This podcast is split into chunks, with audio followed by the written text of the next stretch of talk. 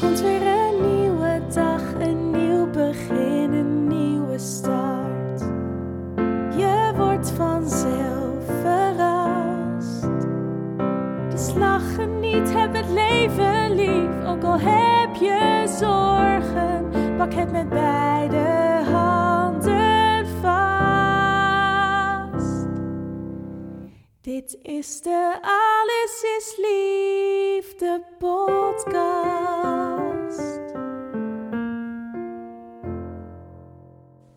Hi lieve mensen, superleuk dat je luistert naar mijn podcast. Mijn naam is Rianne Roes, liefdesdeskundige, gedragswetenschappen en auteur van het boek Raak elkaar niet kwijt. Wil je meer over mij weten? Ga dan naar mijn website www.samenalleen.com. In deze podcast neem ik je mee in mijn proces om het leven te creëren zoals het voor mij bedoeld is. Ik wens je heel veel inspiratie en luisterplezier. Welkom, lieve luisteraars. En allereerst dank jullie wel voor al jullie reacties op mijn vorige podcast. En fijn om te horen. En ik merk ook dat het bij veel van jullie leeft. Een ayahuasca-ceremonie bijwonen. En hoe dan? Wat zijn de risico's? Uh, waarom wel? Waarom niet? Wat heeft het je nou concreet gebracht? Dat is ook wel een vraag die ik vaak heb gekregen naar uh, aanleiding van mijn vorige podcast. En ik had er een paar dagen geleden al een podcast over opgenomen. Maar helaas was het geluid van deze podcast zo slecht. Er zit een fout in de app. Ik heb geen idee wat er precies aan de hand was. Maar de opname was niet bruikbaar. Dus ik, uh, ik ga nu opnieuw eigenlijk inspreken. En gek genoeg heb ik ook het gevoel dat het dus misschien zo mag zijn dat ik opnieuw ga nadenken over wat ik wel en niet ga delen in deze podcast. Dus um, wat ik erbij wil zeggen is dat wat ik misschien deel allemaal zo klaar als een klontje lijkt en heel erg in proces kloppend is en me heel veel heldere antwoorden en belevenissen heeft gegeven. Maar dat de weg daar naartoe dat eigenlijk allerminst was. Dus dat is wel echt een disclaimer om naar deze podcast te luisteren. Want de ceremonie die ik heb bijgewoond, die startte vrijdag om 4 uur. En die eindigde zondagochtend om half 12. En um, ja, de delen die ik uitgedestilleerd heb en de delen die ik als les heb kunnen meenemen, die ga ik graag in deze podcast met jullie delen. Maar eigenlijk zoals alle processen in het leven is het zo dat, ja, dat het misschien allemaal heel erg duidelijk van A naar B lijkt te gaan. En dat het voor mensen die je van een afstand bekijken, dus misschien in algemene zin herken je dat wel. Dat mensen denken, oh weet je, die heeft haar leven zo op orde of die heeft zijn leven zo op orde. Maar dat het dan lijkt alsof er niet bij stilgestaan wordt dat de weg er naartoe behoorlijk messy kan zijn. En heel erg met ups en downs. En dat, misschien kennen jullie dat plaatje wel, hè? dat iedereen denkt dat uh, persoonlijke groei een logische en rechte lijn omhoog is. Hè? Als je maar stelselmatig gestructureerd en op de juiste manier met jezelf aan de slag gaat, dat er een altijd een stijgende lijn is naar ja, persoonlijke groei, zelfontwikkeling. Maar die weg naar die naar die groei, naar die punt meer hoger, of nou ja, hoe je het ook wil noemen, die weg daar naartoe is eigenlijk altijd een beetje bumpy. Er zitten altijd uh, booby traps in. Er zitten altijd momenten in dat je echt denkt: waar ben ik aan begonnen? Waarom ehm, ben ik in deze positie beland? Hoe komt het dat uh, het voor anderen allemaal zo makkelijk lijkt te gaan en het voor mij op dit moment zo'n enorme struggle is? Nou, dat is ook wat ik wel heb ervaren tijdens de ayahuasca-ceremonie. Op vrijdag kwam ik daar aan. En ik ben altijd wel in grote groepen. Zeker als ik dan een van de deelnemers ben. Als ik spreker ben, voelt dat anders. Maar als ik deelnemer ben, dan voelt het heel erg zoeken naar waar is mijn plek? Wat mag ik doen? Wat mag ik zeggen? Waar, waar hoor ik bij? En ik merkte toen al dat heel veel mensen elkaar al kenden. Het was ook een soort van community. Het is een app waar je dan bij zit, waar je niet zomaar iedereen toegang tot heeft. Dus ik voelde me wel een beetje het buitenbeentje. En hoewel ik echt vond dat ik supergoed was voorbereid, ik had me aan het dieet gehouden, ik had heel veel geschreven in de dagen voorafgaand aan de ceremonie. Ik heb uh, veel tijd alleen doorgebracht, veel tijd in de natuur doorgebracht. Ik had mijn intenties heel helder. Ik wilde met name helderheid hebben over mijn migraine. En de mensen die ik daar trof, die leken al een soort van als het vanzelf te kunnen die leken al helemaal op te gaan in de context van zo'n ceremonie. En voor mij was het echt compleet nieuw. Um, de avond begon rond 6, 7 uur volgens mij. En uh, er was een stam uit Brazilië uh, over. En er was een shamaan, een mevrouw. En er was, uh, haar dochter was erbij, haar nichtje was erbij, haar zoon was erbij en haar partner. Tenminste, ik denk dat het haar partner was. Dat is een beetje hoe ik het heb afgeleid. Maar wellicht dat er ook een ander soort relatie was tussen hun. En verder waren er een stuk of zes spaceholders, zoals ze dat noemen.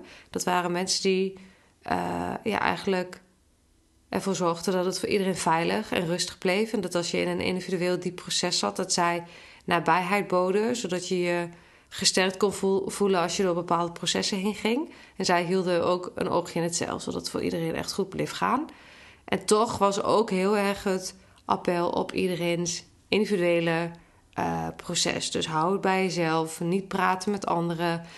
Um, ga in je eigen proces, ga met het medicijn aan de slag. Dus echt daadwerkelijk communiceren met het medicijn. En um, dat vraagt een actieve houding, dat vraagt om erbij te zijn. En uh, de stam, ja, ik weet even niet hoe ik het moet noemen, maar degene die de ceremonie leidde, uh, dus die, uh, die vrouw, die shamaan met haar nichtje, dochter en zoon, die zongen eigenlijk de, vanaf de eerste minuut tot de laatste minuut, dus echt wel meer dan twaalf uur achter elkaar, mantra's. Dus er was continu gezang en dat was echt prachtig. Het was, ja, als ik het nu zou horen, ik hoor het nog wel eens, want ik ben ze gaan opzoeken op Instagram. En um, ja, dat, die, die geluiden die maken iets in mij los, wat echt resoneert met de frequentie van de ceremonie. Dus dat is echt heel bijzonder. En we waren, nou ja, we gingen om zeven uur starten. En uh, het was echt een volle bak. Ik, um, ik stapte binnen en ik dacht, jeetje, wat een, wat een hoop energie. Er waren hutje-mutje lagen eh, yogamatjes naast elkaar. En ieder had een eigen matje van, nou ja, wat is dat, 80 centimeter breed. Daar kon je je eigen uh, kussens en dekens en eventueel... Uh, een, ik had een katendek bijvoorbeeld mee en een, um, een twee veren die ik gekregen had en, uh, en een edelsteen. Er waren ook mensen die echt een complete altaar aan het opbouwen waren. En ik... Um, ja, ik was echt nog verwonderd aan het rondkijken van wat gebeurt er allemaal. Ik had ook best wel veel um, ja, weerstand, moet ik het denk ik toch wel noemen. Om zo dicht naast mensen te zitten. Ik heb die dagen daarvoor was ik gewoon juist heel erg met mezelf. En nu werd er van mij gevraagd om heel dicht bij mezelf te blijven, in mijn eigen proces te gaan. Terwijl op nog in twee centimeter rechts naast mij en twee centimeter links van mij ook mensen zaten die in hun eigen proces gingen. En daar rondomheen ook nog eens veertig mensen. Dus ik dacht echt, nou, ik vind het wel spannend en ik weet niet hoe, hoe ik hier precies doorheen ga komen. Maar ik dacht, nee, ik heb me goed voorbereid en uh, ik onderga het gewoon. Ik uh, had ook migraine die dag, dus ik dacht, nou veel erger, uh, of veel erger kan het niet worden. Ik sta er open voor. Ik was gewoon echt klaar ook met steeds die pijn en steeds die migraine en steeds die strijd met die medicatie.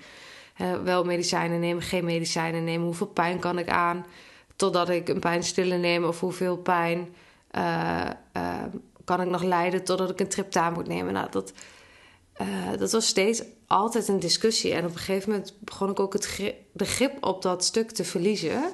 In die weken voordat ik ja, naar die ceremonie ging. En ik echt voelde, nou, het wordt tijd dat, dat ik iets ga openen in mezelf. Um, dus ik vond het best wel, best wel een ding met zoveel mensen. Uh, en tegelijkertijd was ik ook groen en nieuw. Hè, wist ik niet hoe het ging. En ging ik ervan uit dat dit eigenlijk is hoe het ook bij andere ceremonies zou gaan.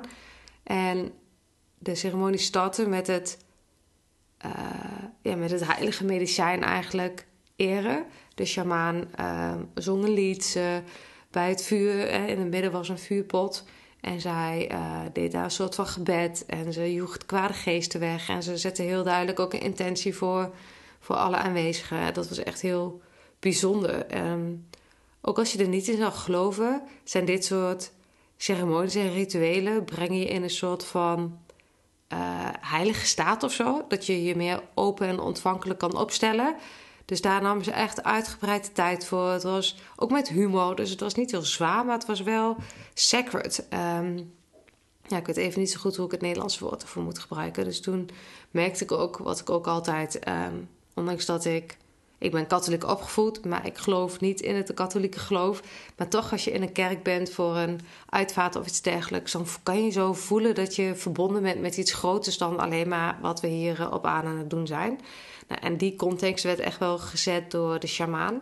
En toen mochten we allemaal uh, drankje gaan halen.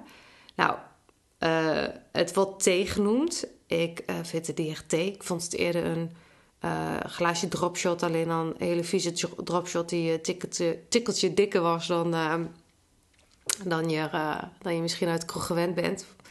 Dus ik dacht wel, oké. En ik dronk het op en het was echt wel best wel vies. Het was een beetje appelstroop, koffie, ja, dropshot-achtige substantie met een hele aardse toon. Nou dus dat, uh, je gaat het niet voor het lekkere, de lekkerigheid nemen. En echt instantly nadat ik het genomen had, voelde ik me zo misselijk. Ik had natuurlijk wel gelezen over het overgeven en ze noemen dat dan purger. Het purger staat er voor het zuiveren van je lichaam. Het zuiveren van de energie, het zuiveren van trauma's, het hele van pijnen, het hele van familiepatronen. Nou, wat je ook maar te doen hebt. En ik was misselijk, maar met die misselijkheid kwam echt meteen een soort van oordeel. Dat, zo moet ik het noemen. Ik was zo boos ook op het medicijn, omdat ik dacht: ja, vind je het gek? Iets wat zo goor is, daar word je toch ook gewoon ziek van. Dit heeft helemaal niks met medicijn te maken. Dit is puur het. Uh, mijn lichaam voelt dat hier iets in zit wat er echt niet in hoort. En dat moet eruit. Ik word gewoon ziek. Dit, hier ga ik helemaal niks halen. Waar, waarom heb ik dit ook alweer gewild? En waar heeft iedereen het toch over? En ik zag mensen naast me echt helemaal vol overgave uh, overgeven. En ik had daar ook een oordeel op, omdat ik dacht: oh, wat is.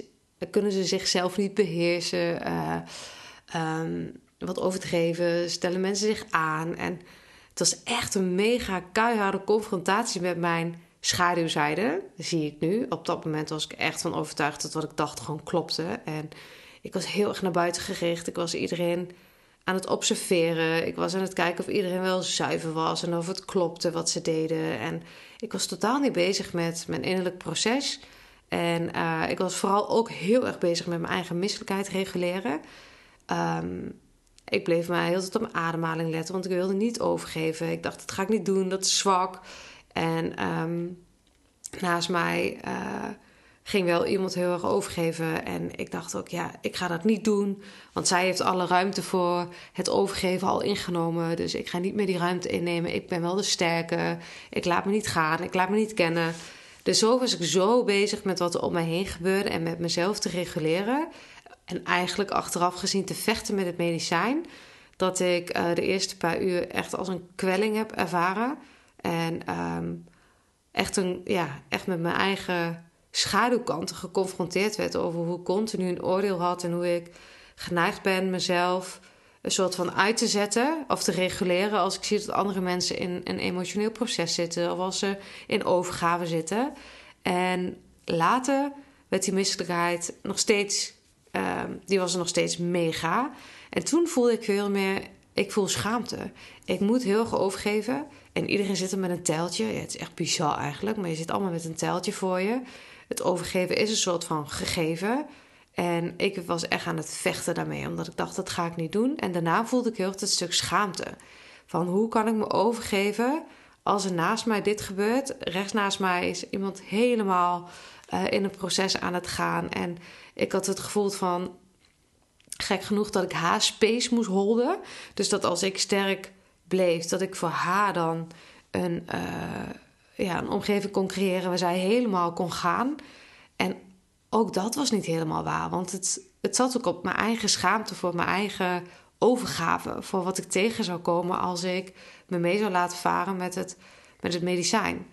En um, vervolgens, mijn migraine was trouwens wel weg. Door, sinds ik dat drankje nam, merkte ik dat mijn migraine um, wat overging. En misschien was het ook wel zo dat die migraine eigenlijk al die gedachten, al die oordelen als een soort van uh, zeurende bal in mijn hoofd houdt. En dat ik nu heel erg juist die gedachten liet gaan, omdat ik er eigenlijk niet echt controle over had. En uh, ik op dat moment ook vond dat wat ik dacht dat dat klopte. Toen mochten we nog een keer wat gaan drinken. En ik dacht eerst, ja, Joe, ik ga echt niet nog een keer uh, drinken. Ik ben al zo misselijk. Ga ik zeg nog een drankje nemen. Maar uiteindelijk voelde ik ook wel, ja, ik heb hier een voorbereiding op gedaan. En ik ga uh, ook voor het tweede drankje, dan moet ik maar overgeven. Dan is dat maar zo. Dus zo ging ik daar wel naartoe.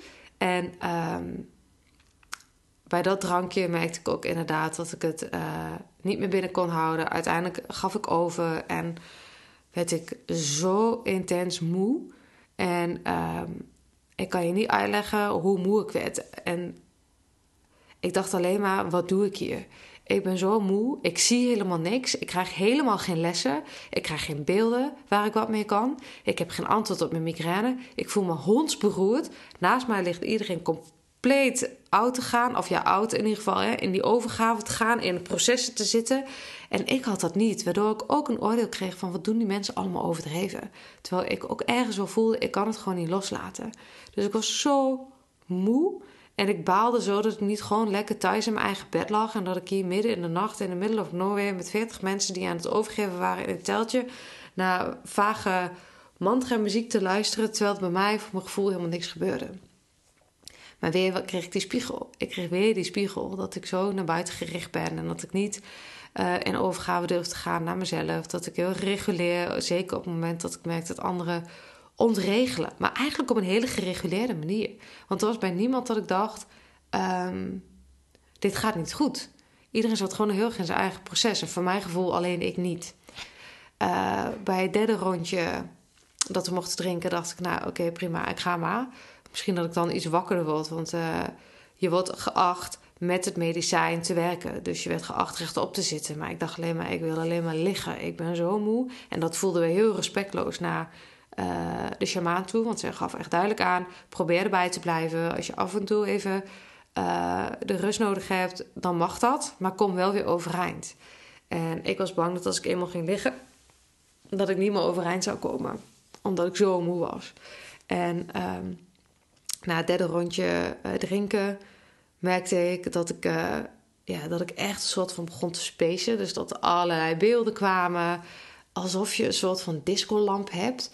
Met allemaal figuurtjes die dan in allerlei kleuren door de ruimte heen schitterden. En die ik vooral dan zag als mijn ogen dicht deed. En ik zag ook wel beelden. Ik zag beelden van vroeger. Um, ik zag beelden waarvan ik niet wist dat ik ze had gezien.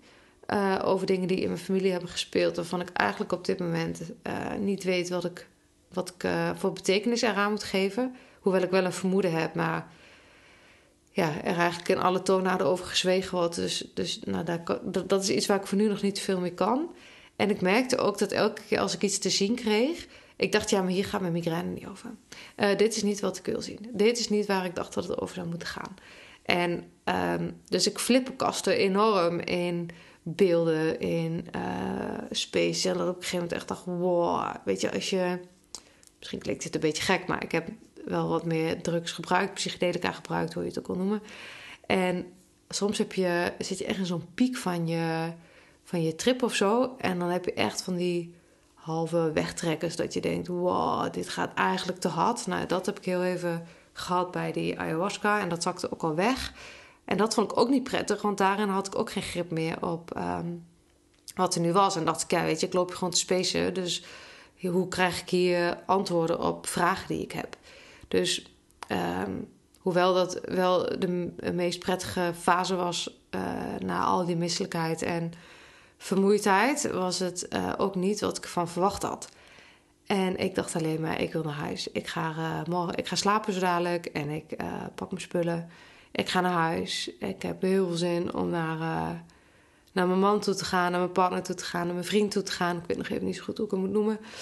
En lekker uh, bij hem te liggen en uh, tot de conclusie te komen dat een ayahuasca helemaal niks voor mij is. Het zal heel veel mensen goed helpen, maar mij heeft het eigenlijk niet geholpen. Dat dacht ik toen.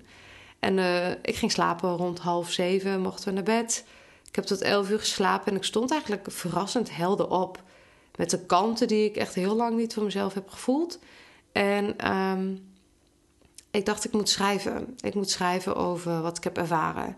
En als ik dan teruglees wat ik geschreven heb, is er heel veel duidelijk geworden. Is er zoveel, was die vrijdag echt een ontmoeting met mijn schaduwkant. Met uh, een deel van mij wie ik het liefst soms voor mezelf, maar zeker voor de buitenwereld verborgen wil houden.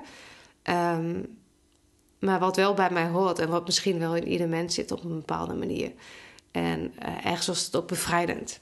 En de beelden die ik eerst niet kon plaatsen in die nacht zelf, gaven me toch wel meer richting in ja, dingen die ik weet over vroeger die me bevestiging gaven. Dat de dingen ook gaan zijn zoals ik ze vermoed, zonder dat ik het bewust weet of bevestigd heb gekregen door bijvoorbeeld mijn ouders. Ehm,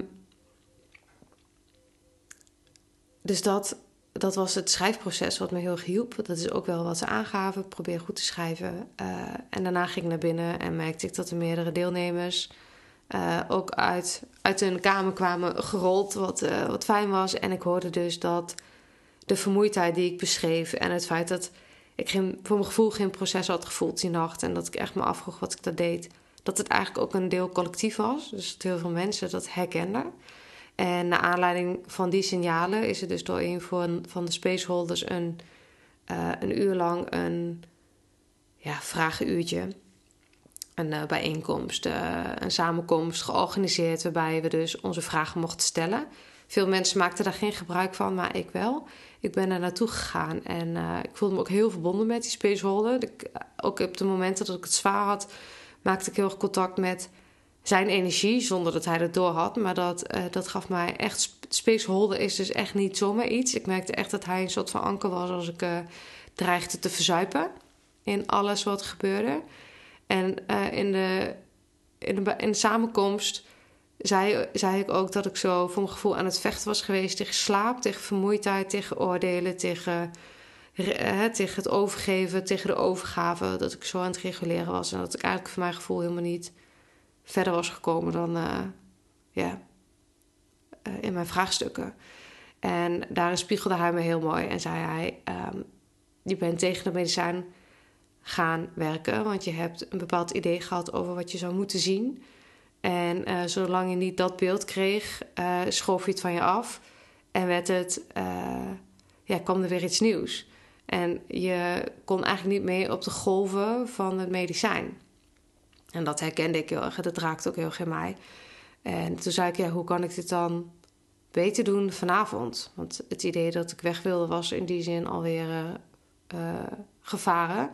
En even een zij, zijwegje het was ook echt, het werd echt aangeraden om je telefoon uit te zetten. Dus nou, dat vond ik echt doodeng met um, nou ja, dat ik niet bereikbaar was voor mijn zoon. En hoewel hij was gewoon hele goede handen, maar toch voelde het te gaan dat, dat, eigenlijk, ja, dat ik niet gebeld kon worden of geen appje kon krijgen. En ook miste ik gewoon mijn vriend enorm. Um, maar achteraf was het heel goed dat ik niet die zaterdagochtend mijn telefoon meteen had gepakt en had gezegd: Nou, het is echt de hel hier en ik ga weg. Um, want dat bracht me er juist doorheen. En uh, die spaceholder gaf mij ook aan. En want ik vroeg, wat kan ik nu doen om het vannacht beter te laten verlopen? Door echt eh, mijn intentie te zetten op die overgave. En niet zozeer op uh, van A naar B antwoorden die gaan over mijn migraine, maar veel meer over wat is er, ja, wat, wat, um, wat is er wat een medicijn me wil laten zien? Waar mag ik nu naar kijken of wat mag ik nu gaan doormaken? En daar ben ik heel sterk op gaan. Op gaan um, mijn intenties op gaan zetten. En ik heb er juist heel veel door losgelaten. Ik ben veel meer gaan zijn op de een of andere manier. Ik maakte ook contact met mensen van andere deelnemers. Ik deelde dingen over mezelf die ik eigenlijk helemaal niet zo makkelijk deel. Op een gegeven moment was ik met iemand aan het praten. Een persoon die ik nog nooit heb gezien of gesproken. En ik, zei, ik hoorde mezelf dingen zeggen waarvan ik dacht... Huh, deel ik dit met hem. En dat ik ook moest huilen. En um, ja, dat was eigenlijk heel fijn. En ik zei ook dat tegen hem van... Dit is echt niet wat ik ken van mezelf. Dat ik op deze manier me openstel. En dat hij ook vroeg van hoe voelt dat dan dat je dat nu wel doet. Ik zei eigenlijk heel mooi en heel verbonden. En heel puur en zuiver. En veel meer zoals ik wil zijn. In plaats van altijd maar... Uh, Hè, doen alsof het goed gaat en het goed weet voor een ander. Terwijl ik zelf op dat moment uh, echt niet altijd oké ben. En dat ook meer er te laten zijn. Want ik voel nu een diepe connectie met jou, terwijl ik eigenlijk niet iets van jou weet of niet iets van jou wil of moet. Of hè, dat, nou, in die zin, ik voelde me heel erg gedragen. Maar dat heeft echt alles te maken met wat ik me liet dragen. Dat besef ik me heel goed. Dat heeft niet zozeer met, had niet met die persoon te maken. Dat had echt te maken met wat er in mezelf uh, open mocht gaan.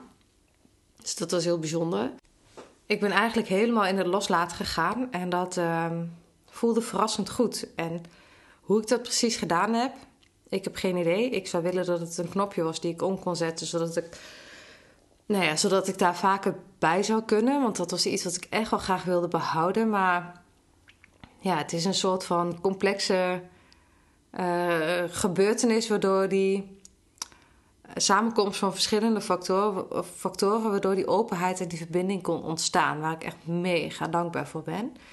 En um, nou, die avond begonnen we eigenlijk om vijf uur al met de ceremonie. En ik was er klaar voor en ik dacht, ik ben benieuwd. Ik heb geen verwachtingen en dat had ik ook echt niet. Ik dacht vooral eigenlijk, um, ik ga deze nacht in. Morgen ga ik weer lekker naar huis. Of me wat gebracht heeft of niet. Eh, we gaan het zien. Ik heb het ervaren. Het was iets wat ik al een tijdje wilde doen. Het is op mijn pad gekomen. Ik heb het uh, mogen meemaken. Wat er ook gebeurt, het is allemaal goed. Het was op een gegeven moment ook wel te overzien. Weet je, vrijdag denk je, oh, tot zondag is super lang. Maar als je eenmaal in die zaterdagnacht gaat, dan denk je, weet je, zodra ik morgen weer oké ben, kan ik gewoon naar huis. Dus dat, uh, ja, het zwaarste stuk voelde ook in die zin, letterlijk in het afstand nemen en het moeten missen, al uh, rustiger. En um, nou, eigenlijk begon de ceremonie weer hetzelfde. Iedereen zat op zijn matje. Uh, er was weer uh, de zang en het eren van het, um, van het medicijn. En er was weer het mantra zingen. En de eerste helft van de nacht is dat een mantra zingen zonder instrumenten. En in de tweede nacht komen er instrumenten bij. En er, er werd ook wel gedanst. Weet je, wel meer de tweede helft van de nacht de, de, eerste nacht werd er ook gedanst. Toen heb ik eigenlijk allemaal niet zo heel veel meegekregen.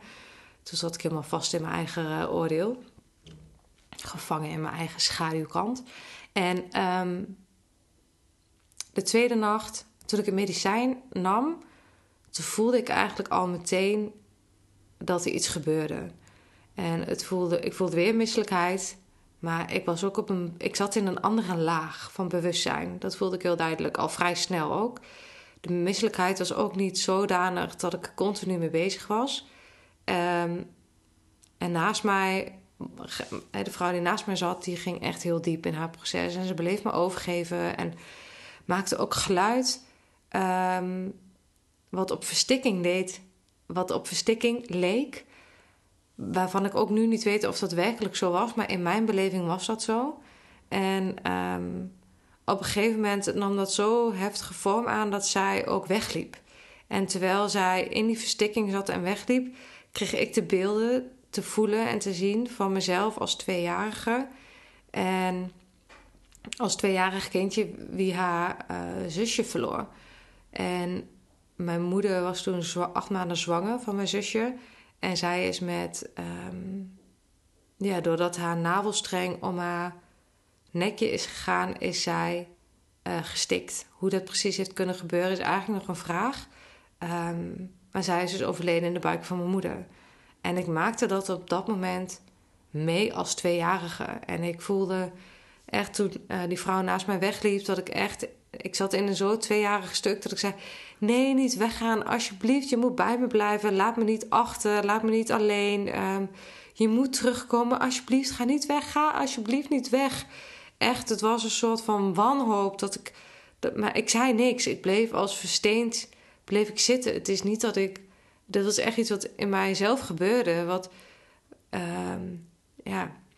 Wat ik ook zag gebeuren, maar waarbij ik ook versteend raakte en niet handelde of niet in beweging kwam of niet iets deed. Het was vooral het, het wanhopig smeken in mijzelf. Of zij, hè, dat zij kon voelen dat ze terug moest komen bij mij en dat ze niet weg mocht gaan. En zodra zij de deur uit was, brak ik echt in duizend stukjes. Ik heb zo hard gehuild. Ik was me tegelijkertijd ook bewust, bewust van wie ik nu ben. Dus ik was ook bewust van dat dit onbewuste tweejarige stuk van mij uh, er mocht zijn. Uh, even open mocht zijn, dat ik dat opnieuw mocht doormaken. En ik was me ook meteen heel bewust van hoe intens waardevol en bijzonder dat is en was om dat te mogen meemaken. En um, ik voelde zoveel verdriet. Echt zo'n zo'n oeroud verdriet. Echt zo pure, pure rouw. Rauwe rouw die je voelt. Dat moment waarop je te horen krijgt dat een heel dierbaar persoon van je is overleden. Dat allereerste moment van intens verdriet en ongeloof en pijn en verscheurdheid en alles door elkaar. dat ervoer ik daar. En ik wist gewoon, dat heb ik als tweejarig kind dus gevoeld. En uh, toen voelde ik heel sterk het ongeloof. Dat ik niet kon geloven dat dit gebeurd was. En dat ik echt met, met, vragende, met vragende energie in mij zat van... Waar is mijn zusje? Wat, wat is er met mijn zusje gebeurd? Waarom ziet niemand dat ik mijn zusje ben verloren? Waarom is niemand er bij mij? Waarom krijg ik geen hand uitgereikt? En op dat moment in de ceremonie was het zo dat een groep uh, deelnemers elkaars hand vasthield en uh, in, ja, in de open ruimte uh, rondom het vuur danste. En ik wilde contact maken met de shamaan, gek genoeg, omdat ik als, als tweejarige ik voelde, maar mama, ik wil dat je, ik wil dat je me ziet. Draai je naar me om, kijk naar me, zie, zie wat ik nodig heb. Want ik ben zo verdrietig dat, dat mijn zusje er niet meer is. Maar jullie gaan allemaal maar door met het leven en jullie doen maar alsof er niks aan de hand is. En, en ik ben zo verdrietig en ik voel me zo in de steek gelaten. En daarna merkte ik dus dat ik uh, weer opnieuw in een ander soort wanhoop kwam van dat ik vroeg om vergeving. Dat ik vroeg om vergeving dat ik haar niet heb kunnen redden.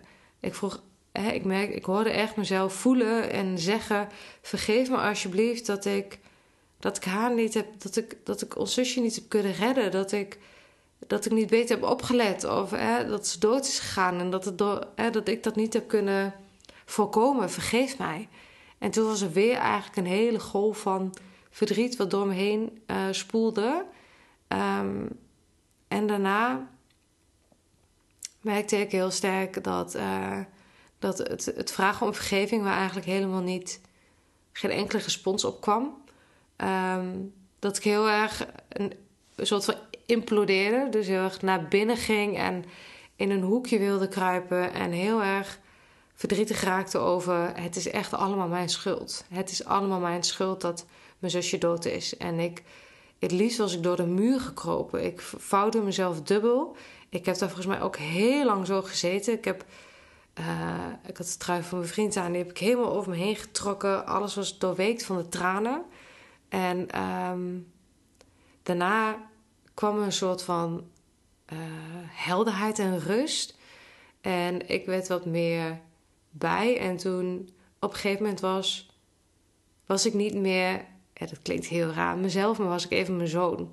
En uh, was de shamaan niet meer mijn moeder, maar was ik de shamaan. En dit klinkt misschien super vaag, maar ik kreeg echt een hele duidelijke boodschap. Ik, ik struggle best wel soms met hoe ik er goed kan zijn voor mijn zoontje. Wat hij van mij nodig heeft. Hoe ik hem de liefde kan geven die hij nodig heeft.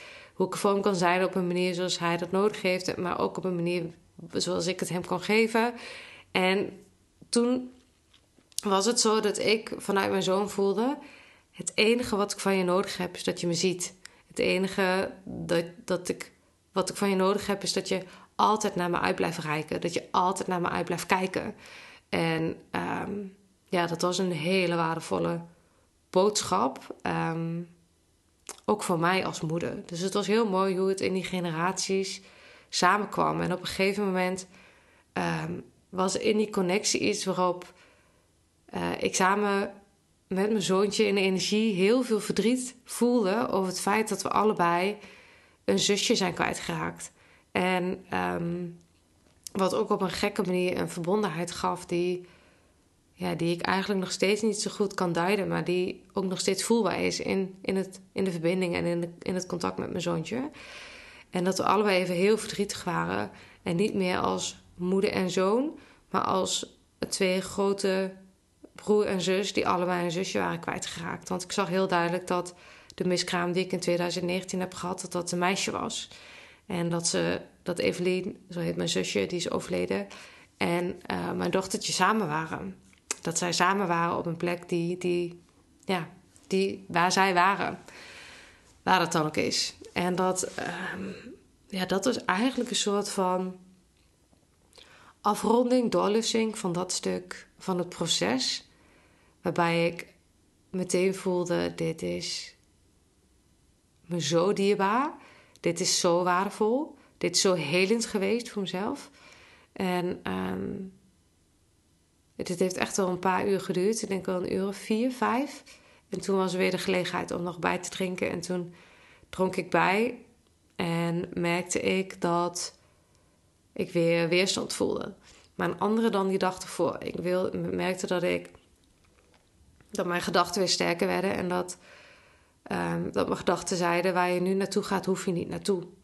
Uh, doe het nog maar niet. Je hebt zoiets moois mee mogen maken met je zusje. Laat het daarbij. Laat deze mooie ervaring zijn. Koester die ervaring, maar probeer er niet nog meer uit te halen. En toen ben ik dus eigenlijk een beetje uit het proces gebleven. En ik weet nog steeds niet of het mijn eigen overlevingsmechanisme was die me wilde behoeden voor dingen die ik te zien kreeg. Want de flitsen die ik te zien kreeg, die voorspelden niet heel veel goeds. Ehm, of dat het medicijn was wat tegen me sprak en zei: Het is goed zo. Maar wat er wel gebeurde, is dat ik bang werd om meer te drinken. Uh, omdat ik bang werd dat ik wel in die, in die duisternis uh, getrokken zou worden van, van beelden waar ik eigenlijk misschien nog helemaal niet aan toe was. En waarbij ik dus onvoldoende durfde te vertrouwen dat het medicijn me zou laten zien wat ik aankon en niet meer dan dat. Um, waardoor het medicijn op een gegeven moment uitwerkte. En geen besef, ik had geen besef van tijd. Ik dacht de hele tijd, oh weet je, we zijn zo klaar. Maar het ging me door en het ging me door. En ik merkte dat ik dus steeds meer ja, uitgewerkt raakte. En niet meer in die, in, dat, in die laag van bewustzijn kwam waarbij tijd niet bestond. En dat ik me heel bewust werd van de tijd en hoe lang het nog duurde. En mijn migraine speelde op, want ik, ik was zo moe en tegelijkertijd zo uh, gebrand op om actief te blijven voor de shamaan. Ook om haar te eren voor wat ze me gegeven had. En um, ik ging daarin ver over mijn grens. Ik ben. Uh, ja, ik heb toen echt heel, echt heel hoofdpijn gehad. Ik was echt ziek van uh, pijn en ik wou gewoon liggen. Maar ik vertikte het om te gaan liggen, om datgene te pakken wat ik nodig had. Omdat ik niet wilde dat zij het idee kreeg dat ik um, niet meer de space wilde holden voor de rest van de community op dat moment. Um, nou ja, wat me eigenlijk ook alweer inzicht gaf over hoe de dingen die, uh, die vrijdagnacht ervoor had gedaan. Uh, uiteindelijk was het eindelijk klaar. We hadden echt van vijf uur die vorige avond tot de volgende ochtend zeven uur in ceremonie gezeten. Dus veertien uur. En ik ben naar bed gegaan, maar kon niet slapen. Ik had migraine, ik had zoveel pijn. En ik dacht echt, nou, het is... Hoewel die ervaring met mijn zusje prachtig was... die, als ik over vertel, merk ik dat ik ook echt nog emotioneel word. Um, maar dat ik echt dacht, oh, ik ben, ik ben gewoon qua migraine gewoon geen steek verder. Toen ben ik naar huis gegaan, uh, eenmaal thuis, in bed gaan liggen, lekker gaan douchen. Echt even helemaal de tijd voor mezelf genomen. Die dagen na de ceremonie had ik ook echt ruimte voor mezelf ingepland. Die kwam heel goed van pas. En er was die, zeker de eerste twee weken, een kalmte in mij. Ja, die was echt ja, geniaal. Het was zo dicht bij mezelf. Het was zo dicht bij wie ik ben. En om daar contact mee te maken, en dat is dan toch dat mijn vermoeden juist was, geeft me een soort van vertrouwen. Dat ik, dat ik voel en weet, er zit een soort van kalmte in mij, waardoor alles in zuivere afstemming kan. Waardoor ik echt voel wat ik wil en waar ik naartoe wil, waar ik me niet door wil laten leiden, wat ego is. Ik was zo kalm en dacht de dingen zijn precies goed zoals ze zijn. Ik ben op de goede plek, ik ben op de goede weg. Het, ja, het voelde zo zeker en fijn. Ehm, en kalm, vooral kalm. Ik dacht echt, ja, maar maak je de kachel niet meer aan. Het komt allemaal wel goed. En twee weken lang geen migraine. Wel echt vermoeidheid, hoofdpijn, s'avonds heel vroeg naar bed. En ook maar daar aan toegeven zonder oordeel. Hè? Dus niet om negen uur denken... Ja, Joe, ik ga niet naar bed, want uh, daar heb ik nu geen zin in. En ik wil nog dingen doen. Maar meer zo, oh, ik ben moe, ik ga slapen. Dus veel meer kunnen volgen wat, ja, wat mijn lichaam en wat ik eigenlijk zelf nodig had. Dat was echt zo fijn. Um, en iets wat ik niet had kunnen vermoeden. Dat het tegelijkertijd is het een anker geworden, dat gevoel. En nu zijn we twee maanden verder inmiddels al. En ik herken het gevoel van die kalmte. Als ik daar weer ben, dan denk ik, ja, dit, hier ga ik naartoe. En dat lukt niet elke dag, het lukt ook niet 24/7, maar dat hoeft ook niet. Ik weet dat het er zit voor mij en dat het een plek is waar ik kan, kan zijn. En um, ik heb nog migraine gehad, stukken minder gelukkig, echt heel veel minder. Um, maar het is niet weg. En misschien had ik stiekem wel de hoop dat dat, dat, dat zo zou zijn. Dat de ayahuasca een soort van magisch middel was die uh, al mijn problemen zou oplossen. Die al mijn migraineklachten als sneeuw voor de zon zou laten verdwijnen. En ik snap ook dat dat een illusie was. En ook daar in die ceremonie heb ik weer ervaren hoe hard het werken ook is, dat je echt eerst naar het donker moet om vervolgens het licht te kunnen voelen.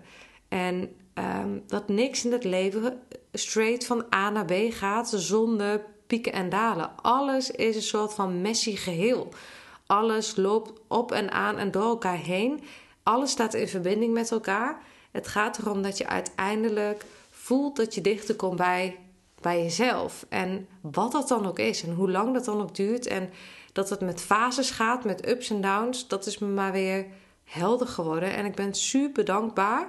En dat kan ik nu echt met volle overtuiging zeggen voor de ervaring. Ik ben super dankbaar voor wat ik daar allemaal heb mogen zien, wat ik allemaal heb mogen voelen, wat ik heb mogen doormaken aan de rouw wat betreft mijn zusje.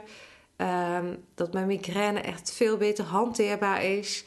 Ehm, dat kalmte voel, dat ik een ankerpunt in mezelf voel die heel kalm is.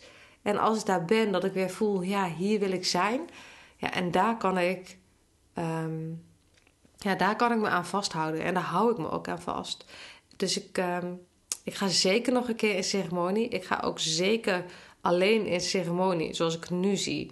Waarbij het echt helemaal in de ceremoniële context, in, het ritu in de rituelen van uh, de shamaan gegoten is. Dus niet zomaar het, het, uh, de ayahuasca eruit halen en dat in een random setting tot me nemen en dan hopen dat er wat gebeurt. Nee, ik wil echt die bedding. Ik wil echt die bedding van die ceremonie, van dat ritueel, van die stam, van die spaceholders. Want dat heeft voor mij echt uh, een hele grote meerwaarde. Dus nu, um, ja, nu ben ik benieuwd hoe het met me verder gaat. Ik uh, werk inmiddels ook mee aan een onderzoek van de Universiteit Leiden uit mijn hoofd.